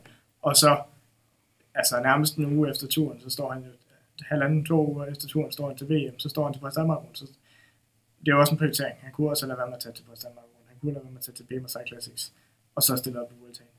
Men, øh, men jeg tror, det er det her, han, han mest har lyst til, øh, og, og det andet, det, det kan være, han får en chance til. Øh, og, og så ved jeg ikke, hvor meget han går op i det her med, at han skal, altså en etappesejr i hver Grand Tour i samme sæson. Hvis han kan tage den på nogle andre sæsoner, så tror jeg, han tager det, og så er han rigtig glad. Lad os, øh, lad os komme videre til det, øh, til det sidste. Vi mangler tre pladser i den her top 10 over de bedste Grand Tour-ryttere lige nu og her. Må jeg høre din, øh, bunden af din top 3, tredjepladsen, nederste skridt på, øh, på podiet. Hvem har du der? Det er nok ikke så overraskende. Der har jeg Primoz Roglic. Øh, co-leader til Jonas Vingegaard ved årets øh, Vuelta og sidste års Tour de France. Øh, tredobbelt vinder af Vuelta España. Har vundet Giro d'Italia i år. Er ubesejret i år indtil videre. Han har vundet alle løb. Han har stillet op til sådan noget fem forskellige tabeløb, inklusive Giroen. Øh, og det er altså store løb. Øh, store Vueltour, ugelange tabeløb. Ja, det må man sige. Han har sit på det rene i Ja. forhold til, øh, til, når han stiller op i løb, så, så, så vinder han dem. Ja, og Som regel i hvert fald. hvis du kigger over de sidste øh, fra øh, Grand Tours, han har kørt de sidste øh, 1, 2, 3, 4, 5, 6, 7 Grand Tours, han har kørt, der har han været top 4. Han blev nummer 4, nummer 3, nummer 1, nummer 2, nummer 1, nummer 1, nummer 1 i de sidste, øh, de sidste 8, 7 Grand Tours, han har kørt. Det er jo fuldstændig vanvittigt. Og øh, i enhver anden tid, end den vi har lige nu, så vil han jo være den bedste Grand Tour overhovedet. Hvis Og- ikke lige det var fordi, de, Jeg skulle sige, nu kender jeg godt svar på det, men hvorfor er han så ikke den bedste? Altså, manden har vundet de sidste tre ud af tre, han har gennemført af Grand Tours. ja, og, og han har jo den, der har flest Grand Tour etappesejre, eller Grand Tour øh, sejre i øh, at, at, at, den her top 10, ikke? Øhm, men der er bare to, der har, har vi været endnu bedre. Øh, tror vi. Det, det er jo heller ikke sikkert endnu, fordi vi har, vi har ikke set ham mod de to. Han kører jo ikke mod Vingård øh, øh, lige nu, fordi de kører på hold sammen. Vi har ikke set ham mod Pogacar heller, i, altså udover øh, turen sidste år, hvor han udgik, øh, har vi jo ikke set ham mod Pogacar i en Grand Tour øh, siden 2020, Nej. hvor han har gennemført, hvor han bliver to år. Og nu, nu nævner du netop turen, og det er måske også det, der er Primoz Roglic's helt store hemsko. Det er, han har ikke vundet turen. Og han ligner altså heller ikke en, der kommer til at vinde turen, må vi ærligt indrømme. Øh, nu kommer vi nok til, til to mand lige om lidt, der, der har gjort det, og ligner dem, der skal kæmpe over det, om det fremover. Men det er måske også det, der taler for, at han ikke er, at der, at der stadigvæk, det stadigvæk føles som om, der er et niveau over her Mm. til de næste to. Det er, ja, han har vundet Vueltaen tre gange. Ja, han vandt Giroen i år. Men de to største kanoner har ikke været der.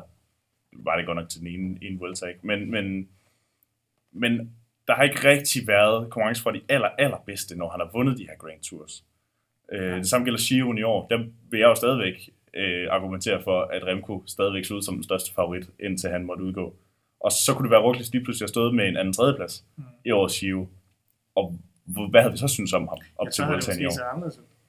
Ja, lige præcis. Men fakta er, at han vandt den, den Grand Tour, og ja, det, er, det er svært at sige, hvordan det havde set ud, hvis... Øh, han stiller op, han, st- det er jo det, der, der er lidt pudsigt ved den her Vuelta også. Det er, han stiller op, del kaptajn med Jonas Vingegaard. Og nu siger bookmakerne godt nok, at Jonas Vingegaard er, er favoritten til at, at løbe med det hele. Men kan, er der chance for, at Primoz Roglic han vinder den her Vuelta? ja, det er der, helt sikkert. Øh, Roglic, han har haft en lang pause. Det har Vingegaard ikke. Vi ved ikke, hvordan Vingegaard han reagerer på øh, kunne køre to Grand Tours i streg. Roglic har haft tid til at forberede sig. Det har Vingegaard heller ikke. Øh, og jeg er sikker på, at hvis det viser sig allerede på, på, på 13. 12. 13. 14. etape deromkring, at Roglic han er bedre, så, øh, så er det ham, de kører for. Og så tror jeg, at Jonas han er klar til at sadle om og køre for, for Roglic. Spændende. Nu er jeg lidt... Øh, ej, det, det er begrænset, hvor spændt jeg er, men, men der kan alligevel komme overraskelser her blandt de sidste to, hvem der er nummer to, og, øh, og hvem er nummer et. Lad mig høre, hvem er nummer to på, øh, på din top 10. Nummer to, det er Tadej Pogacar. Jeg synes ikke, det er så overraskende. Det er, lige nu synes jeg ikke, det er så kontroversielt. Ikke efter en nyligt overstået Tour de France, hvor han tabte. Så det, det er jo det, må vi, vi må gå ud fra. Han har godt nok vundet Tour de France to gange. Han blev nummer to i Tour de France to gange. Blev nummer tre i Vuelta en gang. Han har top 2 i Tour de France fire gange. Det er jo helt sindssygt. Og en Ja, ud af de og så- fire gange, han har kørt den, vel Ja. at mærke. Altså, han har aldrig endt uden for top 2 i de, øh, Tour de de France. sidste gange i Tour de France er han blevet de top 2 og har vundet to gange. Hvordan kan han ikke være den største? Jamen, det er fordi, der er en anden, der, der har gjort næsten det samme, øhm, og som har gjort det, har vundet for nyligt. Pogacar vandt i, i 2020 og 2021. Øhm, og det, dengang så det ud, som om han skulle vinde de næste otte gange. Ja. Men det gør han ikke lige nu. Øh, og han gav virkelig Jonas kamp til stregen i år. Ja, der var flere øjeblikke, hvor man, hvor man nåede at tænke, nu løber Pogacar med det hele. Ja. Altså, nu hælder han lige så langsomt ind på Jonas Vingegaard, og så sætter han ham til vægs på alle de der øh, bjergeafslutninger inden for den sidste kilometer. Mm. Tager små sekunder hister her. Og, Og så alligevel ender han det jo med, med, ja. med næsten lige så meget som, som, som Nibali vandt med i turen i 2013. ja, 14. Ja. 14. Øhm, det, der er jo niveauforskel stadigvæk. Og det, det kan godt være, at på ugelange tabeløb, at Pogacar så er faktisk bedre, fordi han er et supermenneske. ja, Øhm, der er vel men- også men bred Jonas- enighed om generelt, at Pogacar er nok verdens bedste cykelrytter. Ja. Altså over en bred kamp. også, Helt sikkert. Manden har vundet Flandern rundt i år, og blev alligevel nummer to i Tour de France. Ikke? Jeg har vundet Liège Bastogne Liège. Ja. Det, det er næsten et mirakel, at han ikke har vundet VM endnu. Altså, det, det er jo helt vildt, at- hvilket fænomen han er, og alle de løb, han, han kan gøre sig gældende i. Men lige præcis Grand Tours, der er han måske bare den næstbedste. Men hvis vi nu siger, at han ikke kører alle de andre løb, det er jo noget, der er så meget snak om. Hvad hvis nu han kun fokuserer på Tour de France? Tror du så ikke, han er bedre end Jonas Vingegaard? Mm. Nej, det tror jeg ikke, fordi Pogacar tror jeg også rigtig meget øh, bygger form op ved at være med i det her løb, og bygger øh, motivation og selvtillid op ved at være med i det her løb. Øh, og så kan det godt være, at han havde mere tid til at forberede sig på specifikke Tour de France etapper, at skulle gøre det her og det her øh, på de her tidspunkter. Men sådan, sådan en type rytter tror jeg ikke, Pogacar han er.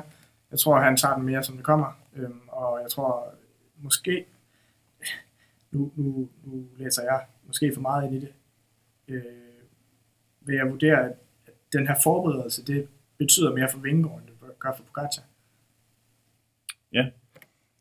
Og, øh, og, og lad os springe direkte til det.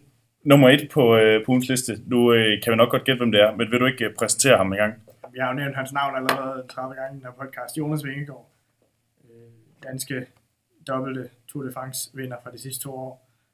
Øh, går du tre år, to år tilbage, hvor han bliver to år i Tour de France, der tror jeg, selv jeg tænkt, og det kan være mange andre også gjorde det, øh, især internationalt, måske som mig i Danmark, tænkt, at Pogacar bliver mega svær at slå, og øh, han kommer til at blive to år i Tour de France til næste mange år, fordi Pogacar er umulig selv-. Jeg vil sige, indtil han satte ham til vækst på, på Granon-etappen i sidste års Tour de France, der regnede vi vel med, at Jonas Vingegaard han ville lidt blive toer Ja. bag ved Pogacar, og det kunne godt blive ved med at være sådan de næste mange år. Ja, og dengang, og det er jo ikke engang ret meget længere end et år siden, der, der vidste vi jo ikke engang, at han var bedre end Roglic. Fordi vi havde jo ikke set ham køre ret meget andet øh, op mod Roglic. Men og det, det har vi stadigvæk ikke set så meget de to med hinanden, men jeg tror, han er bedre end, han er helt sikkert bedre end Roglic, øh, som det er lige nu, øh, når de er begge to i topform.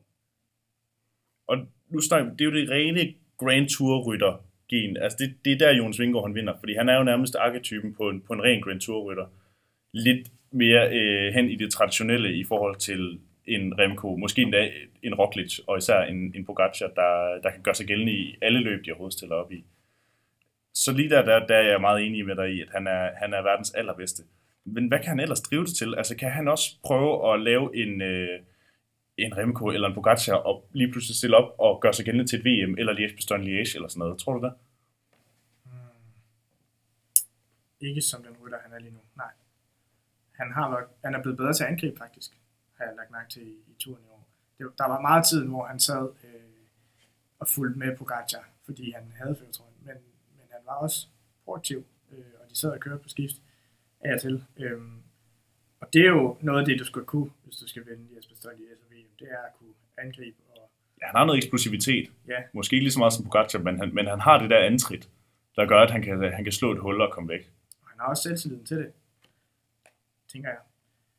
Men øh, jeg ved ikke, om han kan køre øh, på det niveau i Bastogne Liège, eller i Flandern rundt, øh, som, som Pogacar kan, eller, eller ved VM. Vi har ikke set ham så meget gøre det nu, så, så det kan, altså, det er lidt på samme måde som Remco og Grand Tours. Øh, jeg ved godt, at han har vundet Grand Tour. men, men, øh, men det kan være, at han overrasker. Han vil overraske mig, hvis han øh, vinder Lies Bastogne Lombardiet rundt kan jeg godt se ham vinde, men øh, Lies Bastogne fandt rundt, jeg ved det ikke endnu. Jeg er tvivl. Der er flere ombud øh, på det høje niveau, end der er i Tour de France. Det må man sige. Blandt andet en slovener, der, der er jævnt god til at køre alle løb, han stiller op i. Ja. Fantastisk. Vi kom igennem øh, listen, og vi kom igennem dagens Vuelta-optakt. Det var, øh, det var det allerførste afsnit af, af Stram Kæde. Tak for denne gang, Emil. Ja, tusind tak. Det var, øh, det var en fornøjelse. Jeg glæder mig allerede til næste gang. Det var det i hvert fald. Jamen, øh, vi vender tilbage i, øh, på Vueltaens første hviledag næste mandag. Og øh, ej, før vi gør det, så har vi snakket om, at vi skal lige lave noget forudsigelse på, hvad det er, der sker. Ja, Øh, hvem har føretrøjen, når vi mødes næste gang? På, hvad er det, efter 9. etape, må det være. det er det. Af Vueltaen. ja. Når vi mødes næste mandag, hvem har føretrøjen i Vueltaen? Det har Remco. Fordi der er en holdtidskørsel, hvor de kommer til at køre stærkt. Ikke lige så stærkt som Jumbo Visma. Jeg tror, Jumbo Visma vinder den. Der er vist nok også en enkelt start inden, øh, inden hviledagen, det er jeg ikke helt sikker på. Men så er der de her eksplosive tapper, hvor Remco han kommer til at køre proaktivt og prøver at, at tage noget tid. Det er min, øh, mine tanker. Det er, at Remco han, øh, har føretrøjen, når vi, når vi ses øh, til næste podcast. Hvad tænker du? Jeg siger Primoz Roglic. Du siger Primoz Roglic. Han kommer i så god form fra Burgos. Jeg tror, øh, jeg tror Jumbo de æder den der holdtidskørsel. Ja. Og, så, øh, og så er det ham, der sidder i føretrøjen, og så skal de til at finde ud af, om det er ham eller Vingegaard, der skal køres for, når de rammer de, øh, de sidste to uger. Det, det, jeg vil ikke sige, at jeg håber på det. Det er det, jeg tror, der rent faktisk kommer til at ske. Hvad håber du på? Jeg håber altid på Jonas. Håber altid på Jonas. Satser vi stærkt på. Jeg ser lige uh, holdtidskørslen, nej, tidskørslen, den er først efter første hviledag, men jeg holder fast i, at Remco, han, øh, han tager den øh, her i starten, øhm, og at de andre afventer lidt til de store bjergetap, som kommer i anden og tredje uge. Perfekt. Jamen, øh, endnu en gang, vi siger, vi siger tusind tak for, øh, for denne gang. Tak fordi I lytter med, og øh, vi lytter snart ved igen, og så har vi bare tilbage og sige, vamos a la vuelta.